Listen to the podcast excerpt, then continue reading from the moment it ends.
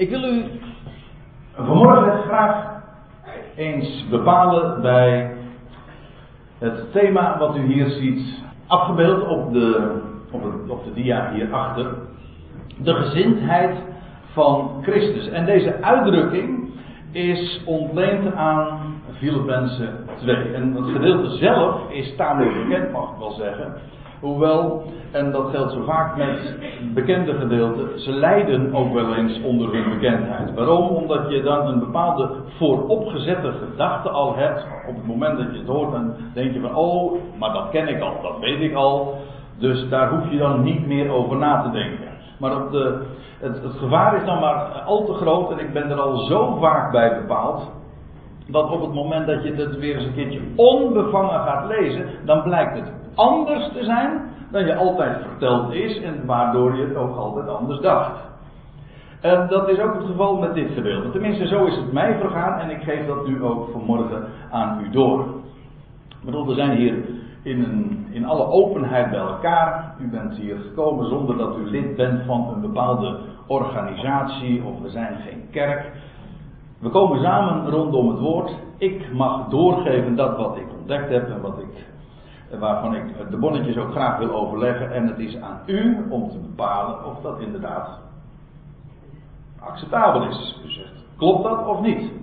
En u bent een bereer, daar ga ik helemaal van uit. Iemand die nagaat in de schrift of deze dingen al zo zijn. En u bent geen verantwoording aan uw buurman of buurvrouw schuldig, evenmin aan mij.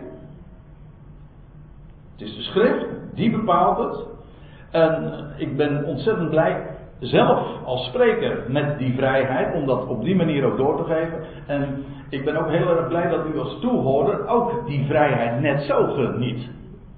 En juist in die vrijheid komen we bij elkaar.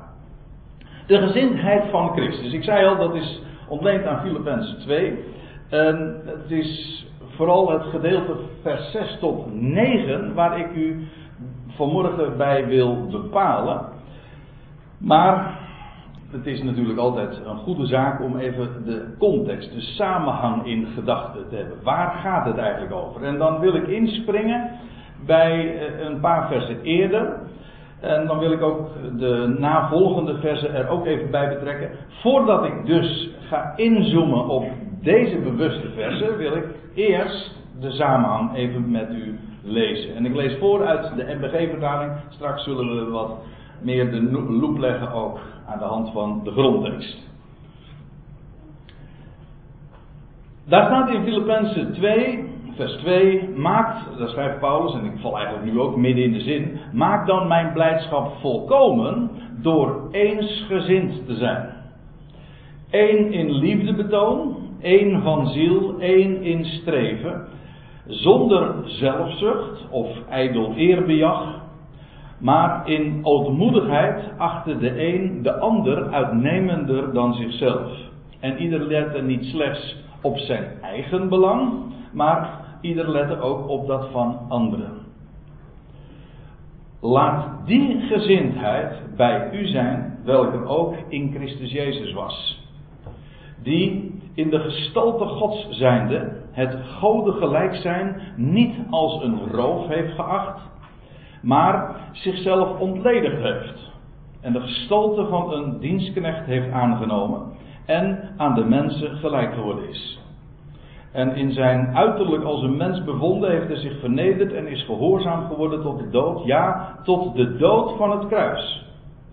Daarom heeft God hem ook uitermate verhoogd en hem de naam boven alle naam geschonken, opdat in de naam van Jezus zich alle knie zou buigen van hen die in de hemel en die op de aarde en die onder de aarde zijn.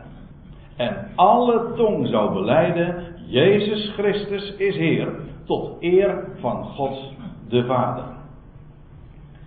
En het vers wat we zojuist nog gezongen hebben, dat is hier ook aan ontleend.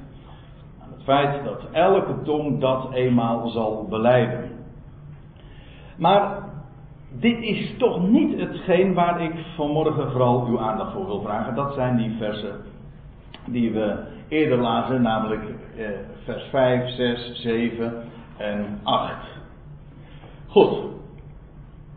Laten we maar eens de koe bij de horens vatten en kijken waar Paulus het nou precies over heeft. U had al gezien, en dat heb, u, dat heb ik eigenlijk ook in door het voorlezen van deze passage ook vooral willen laten zien, dat Paulus het heeft over de gezindheid. Hij spreekt die Filippiërs aan, hij zegt, maak mijn blijdschap volkomen door eensgezind te zijn, de ander uitnemender achter. En als hij dan in vers 5 zegt, laat die gezindheid bij u zijn, dan pakt hij niet zomaar een heel nieuw onderwerp aan, hij sluit aan op het voorgaande. Nou, dat hebt u gezien. En moet ik er even één opmerking daarbij maken. Uh, in verband met de, de, de, de, tekst zoals het er precies staat. Hij zegt: laat die gezindheid, die gerichtheid. bij u zijn, welke ook in Christus Jezus was. Dat woordje was is wat misleidend, omdat het namelijk ontbreekt in de grondtekst. U ziet dat hier ook in die interlineair die ik, hier, uh, die ik hieronder heb. Je zou dat in het Nederlands het beste wellicht kunnen weergeven. Het is een beetje moeilijk om dat te doen. Laat de gezindheid van Christus Jezus in u zijn. Het gaat niet om de gezindheid die in Christus Jezus was. Uh, dat suggereert alsof die gezindheid nu niet meer in hem zou zijn. Of dat alleen maar naar het verleden gewezen wordt. Nee, het gaat over de gezindheid van Christus Jezus.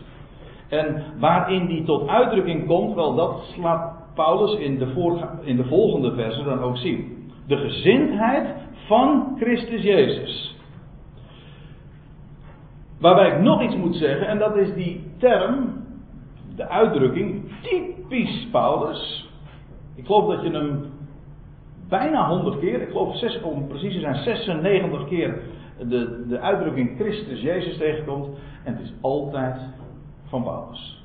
Bij anderen vind je hem niet zo. En is het altijd Jezus Christus. Paulus noemt hem bij voorkeur Christus Jezus. Dat heeft ook een reden. En dat is hij kende Christus als de Christus. Dat wil zeggen, als de opgestaan, als degene die gezalfd is met Gods geest.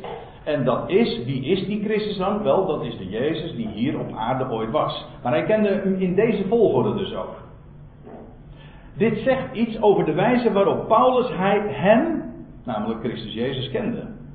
Hij kende hem eerst als de gezalfde, de verrezene, de verheerlijkte, die ooit Jezus hier van Nazareth op aarde was. Vandaar ook dat de apostelen, de andere twaalf, hem bij voorkeur Jezus Christus noemden, want zij kenden hem als Jezus hier, die man die hier op aarde rondwandelde, die vervolgens door God tot Christus is gemaakt. Dat is een, een andere ingang, zeg maar. Een andere volgorde. Maar Paulus kende hem zo. Zo heeft hij hem ontmoet op de weg naar Damascus. Hij zegt in 1 Timotheus 2 nog, nog iets erbij. Over die term Christus Jezus. Dan zegt hij. En het is onlangs hier nog uh, gememoreerd dit vers. Dus uh, niet voor niks, want Paulus uh, drukt in deze versen van 1 Timotheus 2 toch hele belangrijke en elementaire dingen uit. Hij zegt er is één God, voorgaande vers is nog, want God wil dat alle mensen gered worden en komen tot kennis der waarheid. En dan zegt hij, dat motiveert hij dan in vers 5, want er is één God en ook één middelaar van God en mensen. En dan komt het, waarom ik er het nu even op wijs, de mens Christus Jezus. Kijk, op al die zinsdelen zou je natuurlijk een accent kunnen leggen, maar ik heb het nu even over de gezindheid in, die in Christus Jezus is, was. De gezindheid van Christus Jezus, zo moet ik het eigenlijk tijdloos zeggen. De gezindheid van Christus Jezus, wie is die Christus Jezus? Wel, dat is de mens Christus Jezus. Dat zeg ik er even bij, dat zal vanzelf straks nog wel duidelijker worden. Maar laat ik eerst even verder lezen in vers 6. Daar staat bij, die Christus Jezus dus, de gezindheid van Christus Jezus, die in de gestalte Gods zijnde. We lezen het echt zinsdeel voor zinsdeel, even goed aandacht geven hoe Paulus het uitdrukt. Die, dat woord gestalte, dat is het Griekse morphe, waar ons, waar trouwens ook nogal wat Nederlandse woorden van afgeleid zijn, morfologie bijvoorbeeld, de vormleer. In de Engelse vertalingen kom je het, wordt het trouwens eh, vrijwel altijd weergegeven, inderdaad ook met vorm. Hier ook in de interlineair. En uh, dit woord, dit specifieke Griekse woord, wordt in de NBG-vertaling elders weergegeven met belichaming. Of zelfs met een schijn. Namelijk een uiterlijke vorm.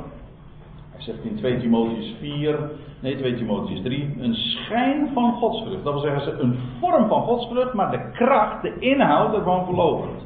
Het gaat dus echt in, om de vorm. En, uh, of het woord gedaante, zo wordt het ook weergegeven. Nou ja, dat lijkt me allemaal wel heel erg dicht in de buurt komen van dat woord vorm. De vorm van God. Een goddelijke gestalte. En ja, ik noem even de. Of ik verwijs even naar een tekst in Marcus, maar u kunt hem ook vinden in Matthäus, u kunt hem ook vinden in Lucas en u kunt hem ook vinden in Johannes. Als de bediening van Jezus aanvangt, toen hij 30 jaar was, en je vindt het in alle evangeliën dus vermeld, inclusief dat van Johannes, op zich ook opmerkelijk. Dan wordt dat ingeleid met de doop van Jezus in de Jordaan. En een heel veelzeggend gebeuren. Want ja, hij gaat daar in de Jordaan. Waarom nou de Jordaan? Wel omdat het een beeld is van, van de dood. Maar waarom wordt je daarin gedoopt? Wel om, om in de dood onder te gaan, om vervolgens daaruit op te staan. Dat heeft ook wel hele oude papieren, mag ik wel zeggen. Want hoe was het ook alweer met het volk van Israël toen ze het beloofde land introkken? Dat deden ze via de Jordaan. Ze gingen de ark achterna op een afstand van 2011, maar dan gingen ze door de Jordaan en ze kwamen vervolgens aan de andere kant in het beloofde land eruit.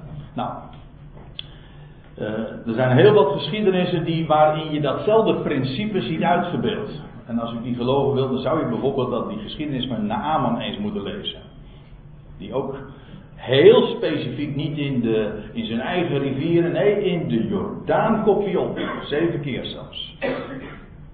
En je kunt eigenlijk wel op voorhand uh, voorspellen Zelfs als je de geschiedenis niet zou kennen, wat er dan met zo iemand gebeurt. En zo waar, met nou Aman ook. Maar goed, even terugkomend uh, op, op dit plaatje. Waarom vermeld ik dit?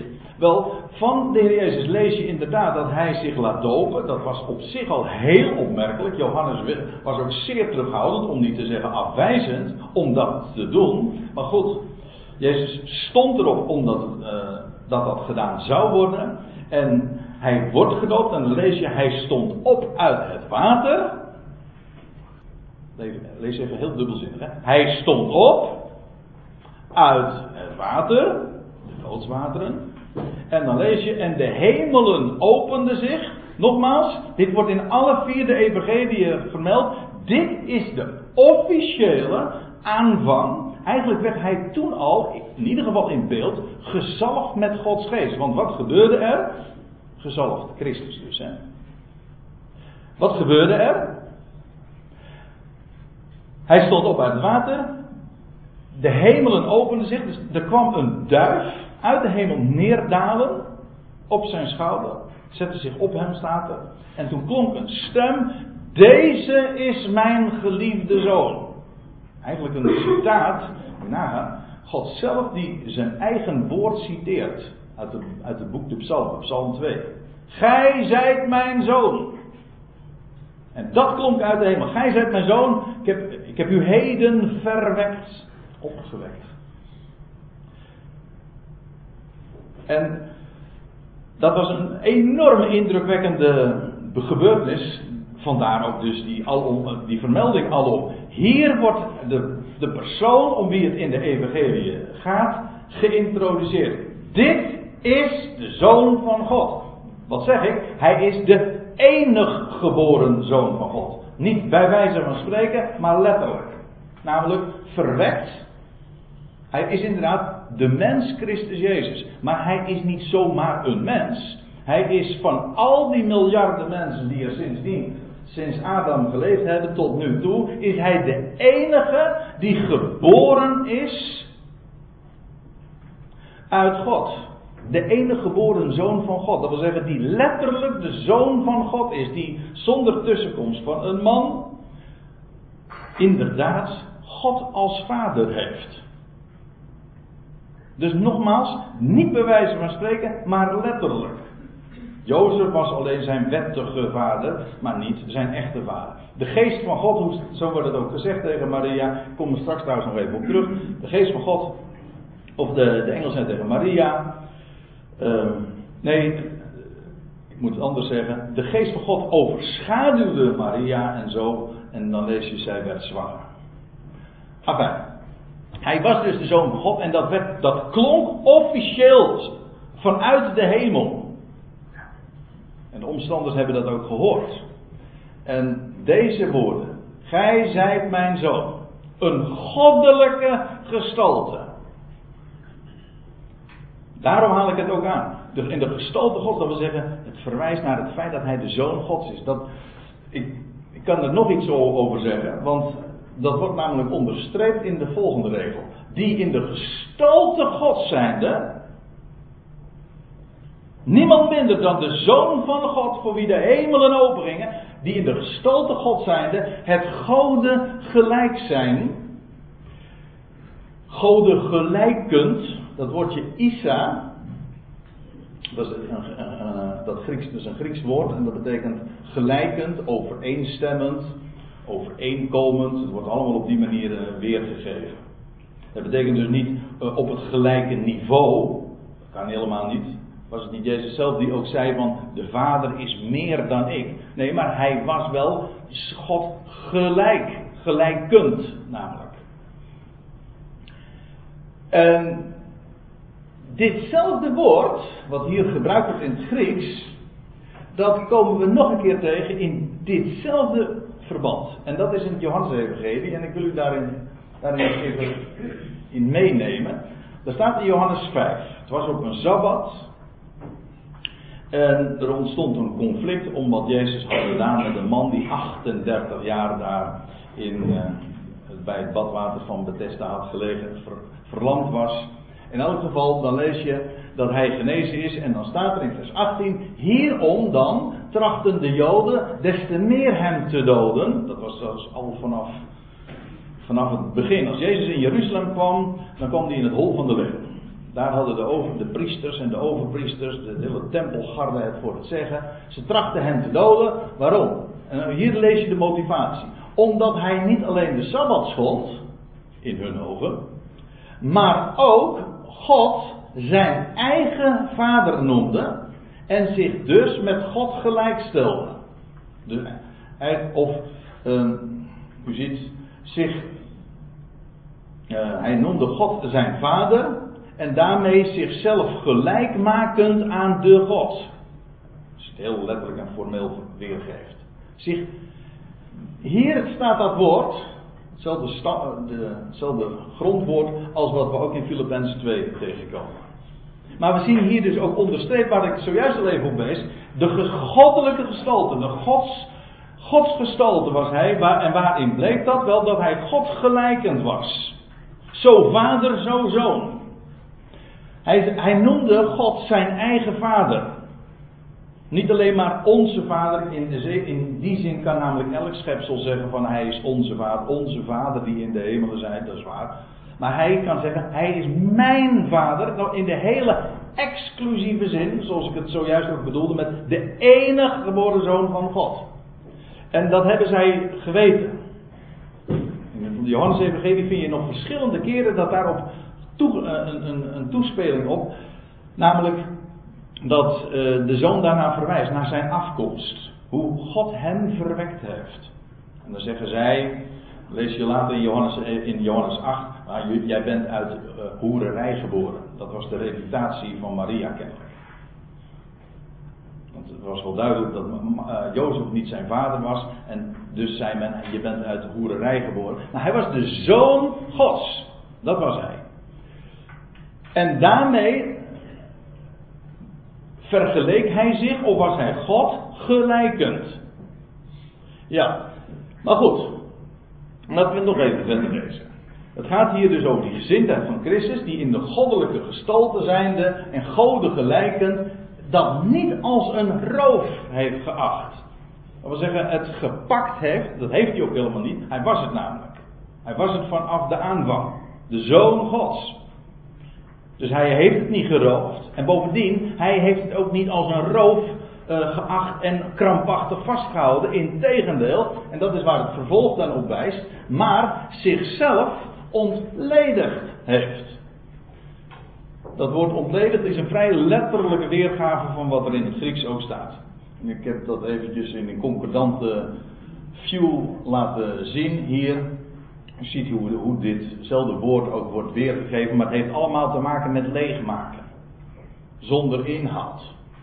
Verijdelen, holle, een holle klank maken. In ieder geval uitgehold. Dat wil zeggen, hij was, hij was de zoon van God en hij heeft daar geheel afstand van gedaan. En Oftewel ontledigd, en dat blijkt dan vervolgens ook uit wat uh, in de volgende regel staat. En de gestalte van een dienstknecht heeft aangenomen. Nou ja, dienstknecht is nog een hele uh, nette weergave. Nou, nette, maar in ieder geval. Een, uh, ik vind een, een eufemisme. Want het is het, namelijk het woord slaaf. Een, een slaaf is veel meer dan, of veel minder moet ik eigenlijk zeggen, dan een een dienstknecht. Een dienstknecht is iemand die in dienstverband staat, maar een slaaf niet, dat is een lijfeigenaar. Dus dit zou je moeten doorkrassen. Het is slaaf. Die, hij, nam, hij was in de gestalte Gods en hij nam de gestalte van een slaaf aan. Zo staat het er letterlijk. En dan gebeurt er dus dit. De gestalte van God maakt de plaats voor de gestalte van een slaaf.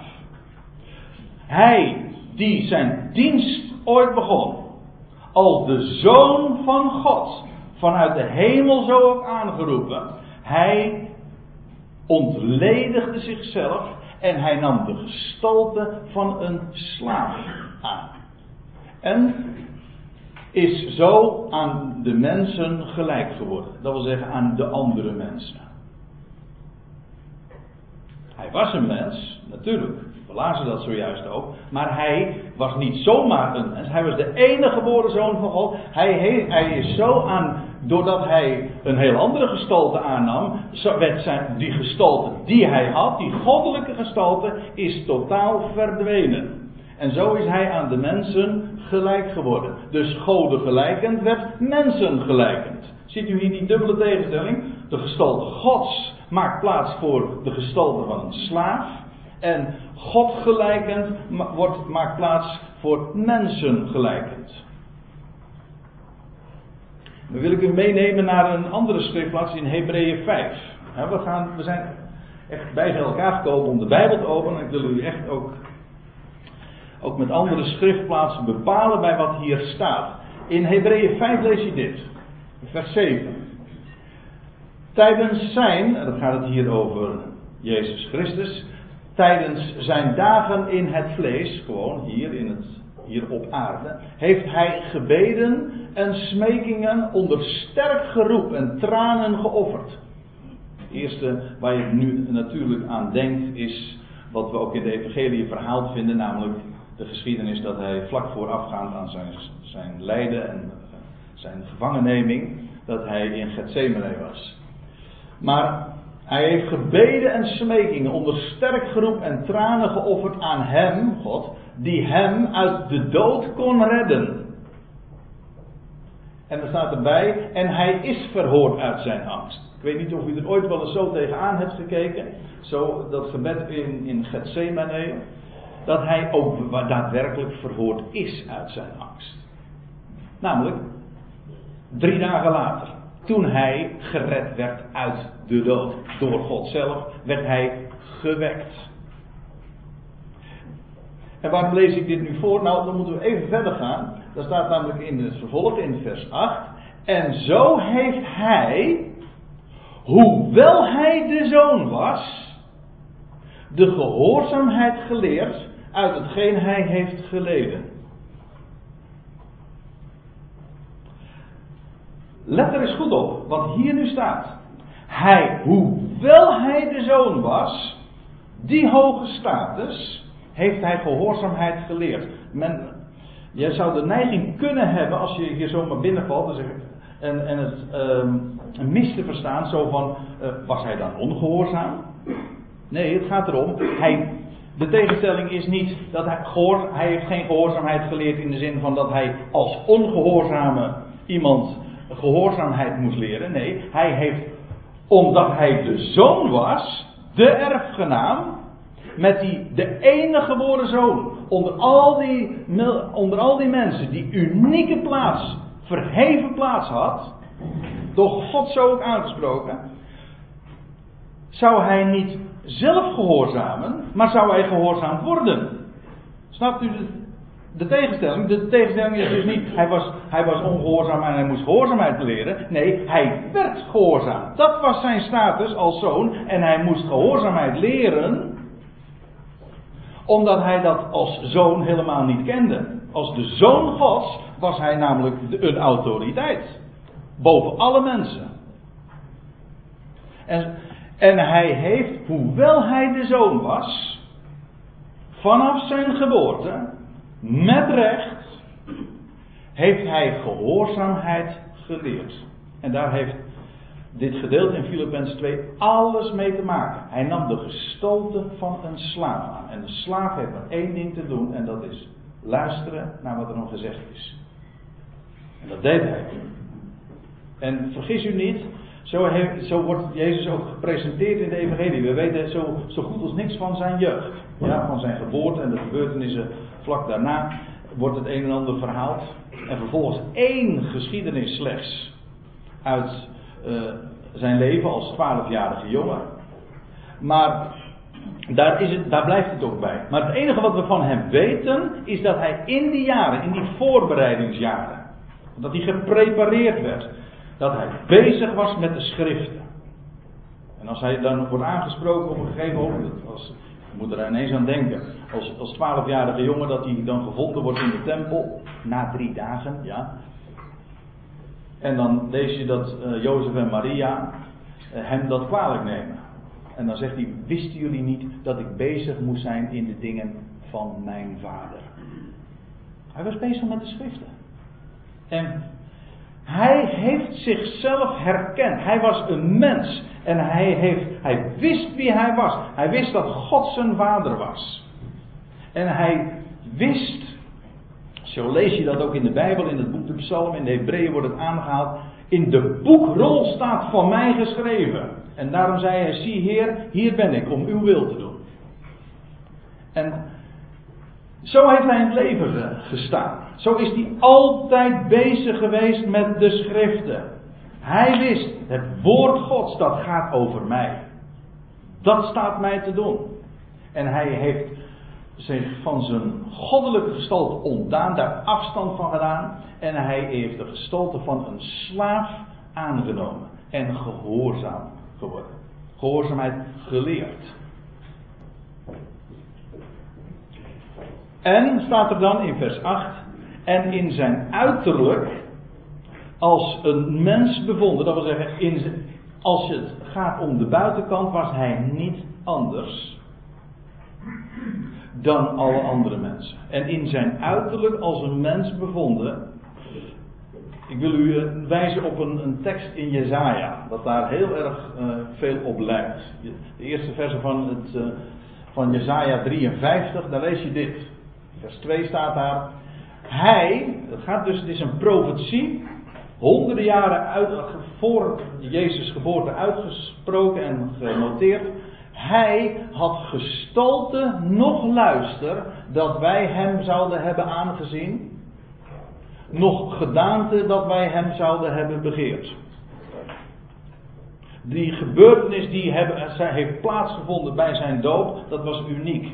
Daarin werd getoond wie hij was. De zoon van God. Gods gestalte. Jawel, maar hij heeft er afstand van gedaan. En vervolgens lees je, en inderdaad dat vind je in de Evangelie al bevestigd als je hem zo zou zien, en zo staat het ook wel in Jezaja, als je hem zo zou zien, zijn gestalte, ach, wij zouden hem niet hebben aangezien, we zouden hem niet hebben herkend. Hij had gestalte nog luisteren dat we hem zouden hebben aangezien, nog gedaante dat wij hem zouden hebben begeerd. Niks bijzonders. Mensen, weet wel, vaak wordt Jezus heel uh, in, in plaatjes dan afgebeeld als een hele, als een knappe man, Nou, over al die afbeeldingen met zijn lange haar enzovoort, daar zullen we het maar niet over hebben. Maar als ik dit lees in Jezaja 53, dan geloof ik daar niks van. Hij had gestolten nog luister, dat wij hem zouden hebben aangezien. Nog gedaante dat wij hem zouden hebben begeerd. Hij was veracht en van mensen verlaten, een man van smarten. Nou ja, het gaat nog veel verder natuurlijk in Jezaja 53, maar u begrijpt waarom ik dit aanhaal. In zijn uiterlijk als een mens bevonden, ja, staat er dan in vers 8, heeft hij zich vernederd en is gehoorzaam geworden tot de dood. Maar daar hadden we het al over. Dus je hebt aan de ene kant wordt er gesproken over zijn ontlediging. Hij was de gestalte gods en hij nam de gestalte van een slaaf aan. Goden gelijken met mensen gelijken. En hier staat, hij heeft zich vervolgens ook vernederd. En is gehoorzaam geworden tot de dood. Ja, tot de dood van het kruis. Nou, dat is dus echt die vernedering. Hij heeft de gestalte van een slaaf aangenomen. Nou, laat ik het eens uit wat grafischer uitbeelden. Je krijgt dus dit, deze gedachte. Hij was in de gestalte Gods. Verwijst naar het feit dat hij de zoon Gods was. Zo aangesproken is. Wel, dat maakt de plaats voor ontlediging, vernietiging. Het maakt de plaats voor de gestalte van een slaaf. Dat wil zeggen, hij werd gehoorzaam. En vervolgens heeft hij zich vernederd. Hij is niet alleen maar gehoorzaam geworden, hij werd gehoorzaam tot de dood aan toe. Ja, tot de dood van het kruis. De uiterste vernedering. Hij die in de gestalte Gods was, nam deze gestalte aan en vervolgens vernederde hij zich tot de uiterste treden. De laagste. De dood, ja, de dood van het kruis. En zo wordt dat in Filippenzen 2 beschreven. En nou moet ik er iets bij zeggen, want wat ik nu verteld heb, dat wijkt af van wat u wellicht veel al gehoord hebt over dit gedeelte. Namelijk, dan wordt er, het wordt dan zo uitgelegd, en ik heb het zelf ook altijd zo gedacht, die ontlediging, waar Filippenzen 2, vers 5, 6, 7 over spreken, dat zou duiden op zijn vleeswording. Hij was een hemelwezen en hij werd mens. Dat, is, dat wordt dan genoemd zijn incarnatie. Betekent zijn vleeswording, zijn menswording. Maar ik heb u nu laten zien, dus in de tekst zelf geen enkele aanleiding om daaraan te denken, maar ik heb nog een punt. En dat is dit. Die ontlediging in Filippenzen 2, dat is een daad van de zoon. Hij was in de gestalte Gods en hij is het die daar afstand van gedaan heeft en de gestalte van een slaaf aannam. Het was zijn daad. Het was, dat was zijn gezindheid. Terwijl die vleeswording, waar, het dan op betrekking, waar, waar men dat dan op betrekt, die ontlediging, dat is helemaal geen daad van, van Christus geweest. Ik weet het, zo wordt het vaak wel voorgesteld. Maar laat ik u dit zeggen: zijn vleeswording, ik dat hij mens werd, dat hij als mens ter wereld kwam, was dat een daad van hemzelf? Nee, dat was een daad van God. Daarin was hij, de zoon, volledig leidend voorwerp. God verwekte de zoon. Sterker, het was dus niet de zoon die mens werd. Nee, God overschaduwde door de kracht van de Allerhoogste Maria. En daarom werd zij zwanger. En, werd, en dan lees je ook, nou laat ik het gedeelte maar gewoon voorlezen, Lucas 5. Ik heb er nu al twee of drie keer naar verwezen. Nu lees ik het voor. Dan zegt de boodschapper, van de hemelse boodschapper tegen Maria dit. De Heilige Geest zal over u komen. En de kracht van de Allerhoogste zal u overschaduwen. Een parallelisme. De Heilige Geest is de kracht van de Allerhoogste. En dat over u komen, dat is dat overschaduwen. En dan staat erbij, Daarom zal ook het heilige dat verwekt wordt, dat ontstaat, als vrucht in, de, jouw moederschoof, daarom zal dat wat verwekt wordt, zoon Gods genoemd worden. Niet de zoon van God werd mens. Nee, God overschaduwde Maria en daarom, dat wat in haar verwekt werd, is de zoon Gods. Was dit een activiteit van de zoon Gods? Nee, dat, hij was daarin zelf volledig passief. Zoals we trouwens allemaal passief zijn geweest bij onze verwekking. Dat onderga je. Wel, met de zoon is dat niet anders geweest. Dat was, dat was geen ontlediging van hemzelf. Dat is een daad van God, volledig uh, voor zijn rekening. God overschaduwde haar. En daarom dat wat uit haar voortkwam, is de zoon Gods. Zodat die ontlediging niet hierop betrekking kan hebben. Die ontlediging heeft te maken met het feit dat hij een goddelijke gestalte was, de zoon Gods. En hij, die hoewel hij de zoon Gods was, heeft hij de gestalte van een slaaf aangenomen en is gehoorzaam geworden. En heeft zich vervolgens ook vernederd tot de dood, ja, tot de dood van het kruis.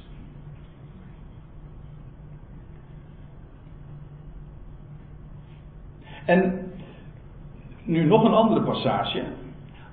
Paul, nadat de Heer Jezus is gedoopt in de Jordaan, dat was natuurlijk zo'n enorme verheven gebeurtenis, wat daar plaatsvond, wat daar geklonken heeft, dan lees je Paul daarop, ook dat wordt in niet alle vier, maar wel in drie evangelieën vermeld, Matthäus, Marcus Lucas, dat hij Paul daarna vervolgens in de woestijn geleid werd. De diabolos. En dan lees je, en nadat hij 40 jaar, eh, pardon, niet 40 jaar, eh, hoewel het wel na die 40 jaren ongeveer voorbij is in de woestijn. En nadat hij 40 dagen en 40 nachten vast had, kreeg hij ten laatste honger. En de verzoeker, elders in dit gedeelte wordt hij genoemd de diabolos, de dooreenwerper, die kwam en zei tot hem: Indien gij Gods zoon zijt, dat heeft zojuist toch geklonken.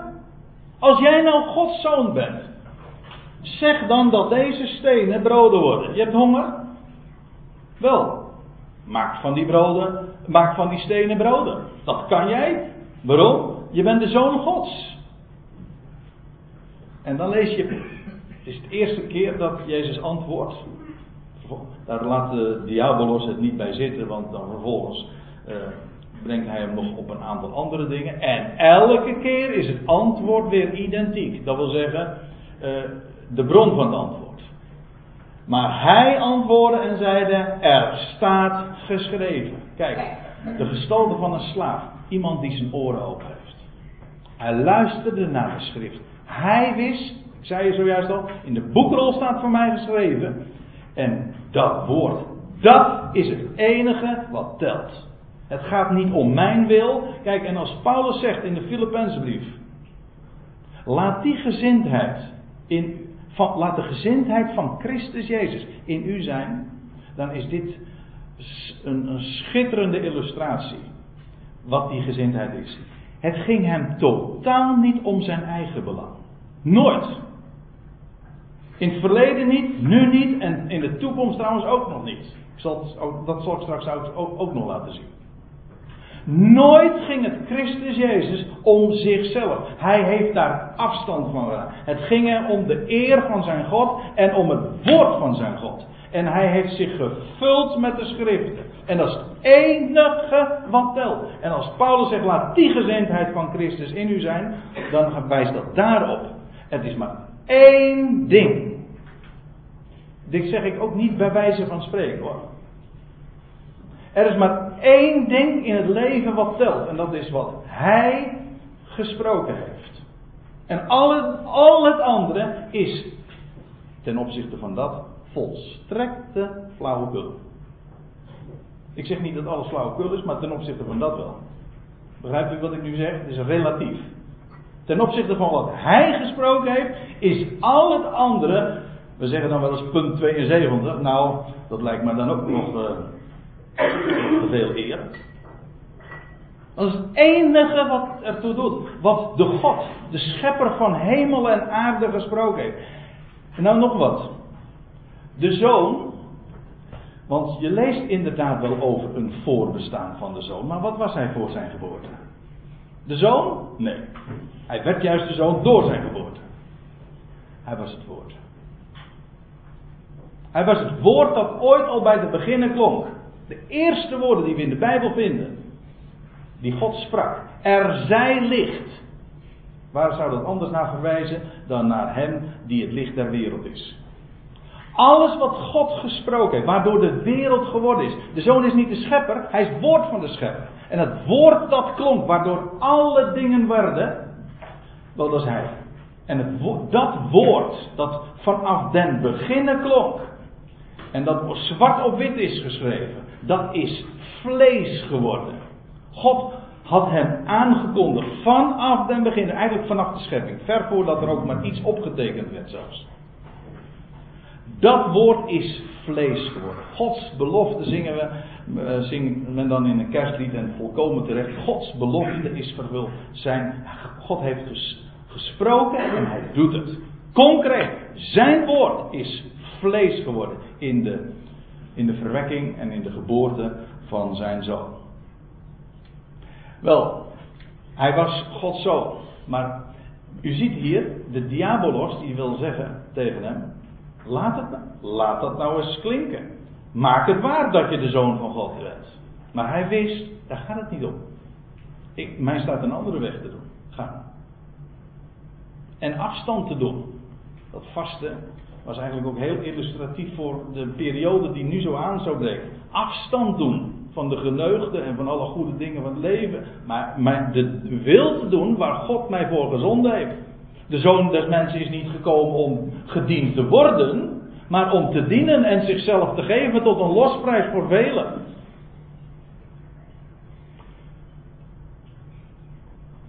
En daarom zegt hij ook, hij antwoordde en zeide, er staat geschreven, niet alleen van brood zal de mens leven, maar van alle woord dat uit de mond Gods uitgaat. En dat is het enige wat telde. En Jezus heeft, is vanaf ja, alles wat we in de Bijbel ook van hem lezen, hij is die weg gegaan.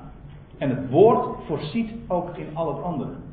Dat is ook wat Jezus daarover zei bij een andere gelegenheid. Dat als je naar het woord luistert, worden al het andere gegeven. Weet je dat? Mensen denken zich, moeten zich druk maken over alles en nog wat. Maar er is maar één ding dat telt. En al het andere, als je, men praat dan over prioriteiten. Prioriteiten betekent, dat wordt betekent letterlijk iets op de eerste plaats zetten. Wat zet je op de eerste plaats? Zijn woord. Als dat het eerste plaats is, dan zal al het andere zijn plek vinden. Geen enkel probleem. Eén ding is slechts nodig. Dat zei Jezus tegen Maria, die dacht dat er vele dingen nodig waren. Eén ding. En al het andere krijg je bovendien.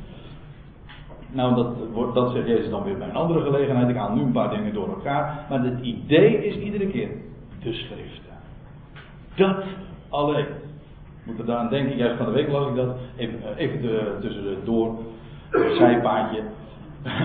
Dat ging, even, ging trouwens ook over prioriteiten.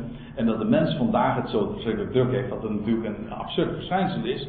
Want er is, uh, we leven in een tijd, met name de laatste decennia, van een ongekende automatisering. Alles gaat vanzelf. Dingen waar we vroeger heel veel tijd aan moesten besteden, die gaan dus nu een druk op de knop, gaat zomaar. En de mens heeft het drukker dan ooit. Dat is toch absurd? Je zou, je zou zeggen dat we met al die automatisering zeeën van tijd hebben. Maar dat, je ziet gewoon dat is fake. We maken ons inderdaad ook van druk over van alles. Eén ding. Eén ding telt. Eén ding is van belang. En ja, nou ja, dat zijn ook van die gedachten die er dan ook bij komen. Maar goed, Paulus zegt niet van ik laat die gezindheid bij u zijn, namelijk de gezindheid van Christus Jezus. Nou, daar wijst hij dan op. Het woord van God. En dat is het enige. Wel, hij heeft afstand daarvan gedaan. En dan wil ik uh, op nog iets wijzen. En dat is de, het grote contrast tussen enerzijds Adam en anderzijds de laatste Adam. Ik moet even pauze houden. En een batterijtje moet er verwisseld worden. Ja, ja niet dat ik op Duracell loop hoor. Dat dacht u misschien. Ik wil u nog meenemen naar nog een, een ander aspect. En dat is een contrast dat zich heel sterk aan je opdringt wanneer je dit gedeelte uit Filippenzen 2 nader beziet. Namelijk het grote contrast van, tussen enerzijds de laatste Adam, Christus Jezus en zijn gezindheid, in tegenstelling tot de eerste Adam. Ik zal u dat even puntsgewijs laten zien. En wellicht dat er nog veel meer uh, is aan te wijzen, maar dit zijn de meest opvallende dingen. Van Adam lees je, hij wilde God gelijk zijn, of in ieder geval de daad, de, het eten van de verboden vrucht, was dat, daar een uitbeelding van. Hij wilde God gelijk zijn en hij roofde het. Het kwam hem niet toe. Hij deed iets wat verboden was. Het kwam hem niet toe, hij roofde het. De laatste Adam, hij was God gelijkend. Maar hij ontledigde zich en hij werd slaaf. Dat wil zeggen, hij nam juist afstand daarvan. Hij was de zoon Gods en nam er afstand van, in tegenstelling tot Adam, die juist God gelijk wilde zijn en het roofde. Adam, hij verhief zich en hij werd ongehoorzaam tot de dood. Hij wilde als God zijn, dat is een. En hij verhief zich, dat wil zeggen.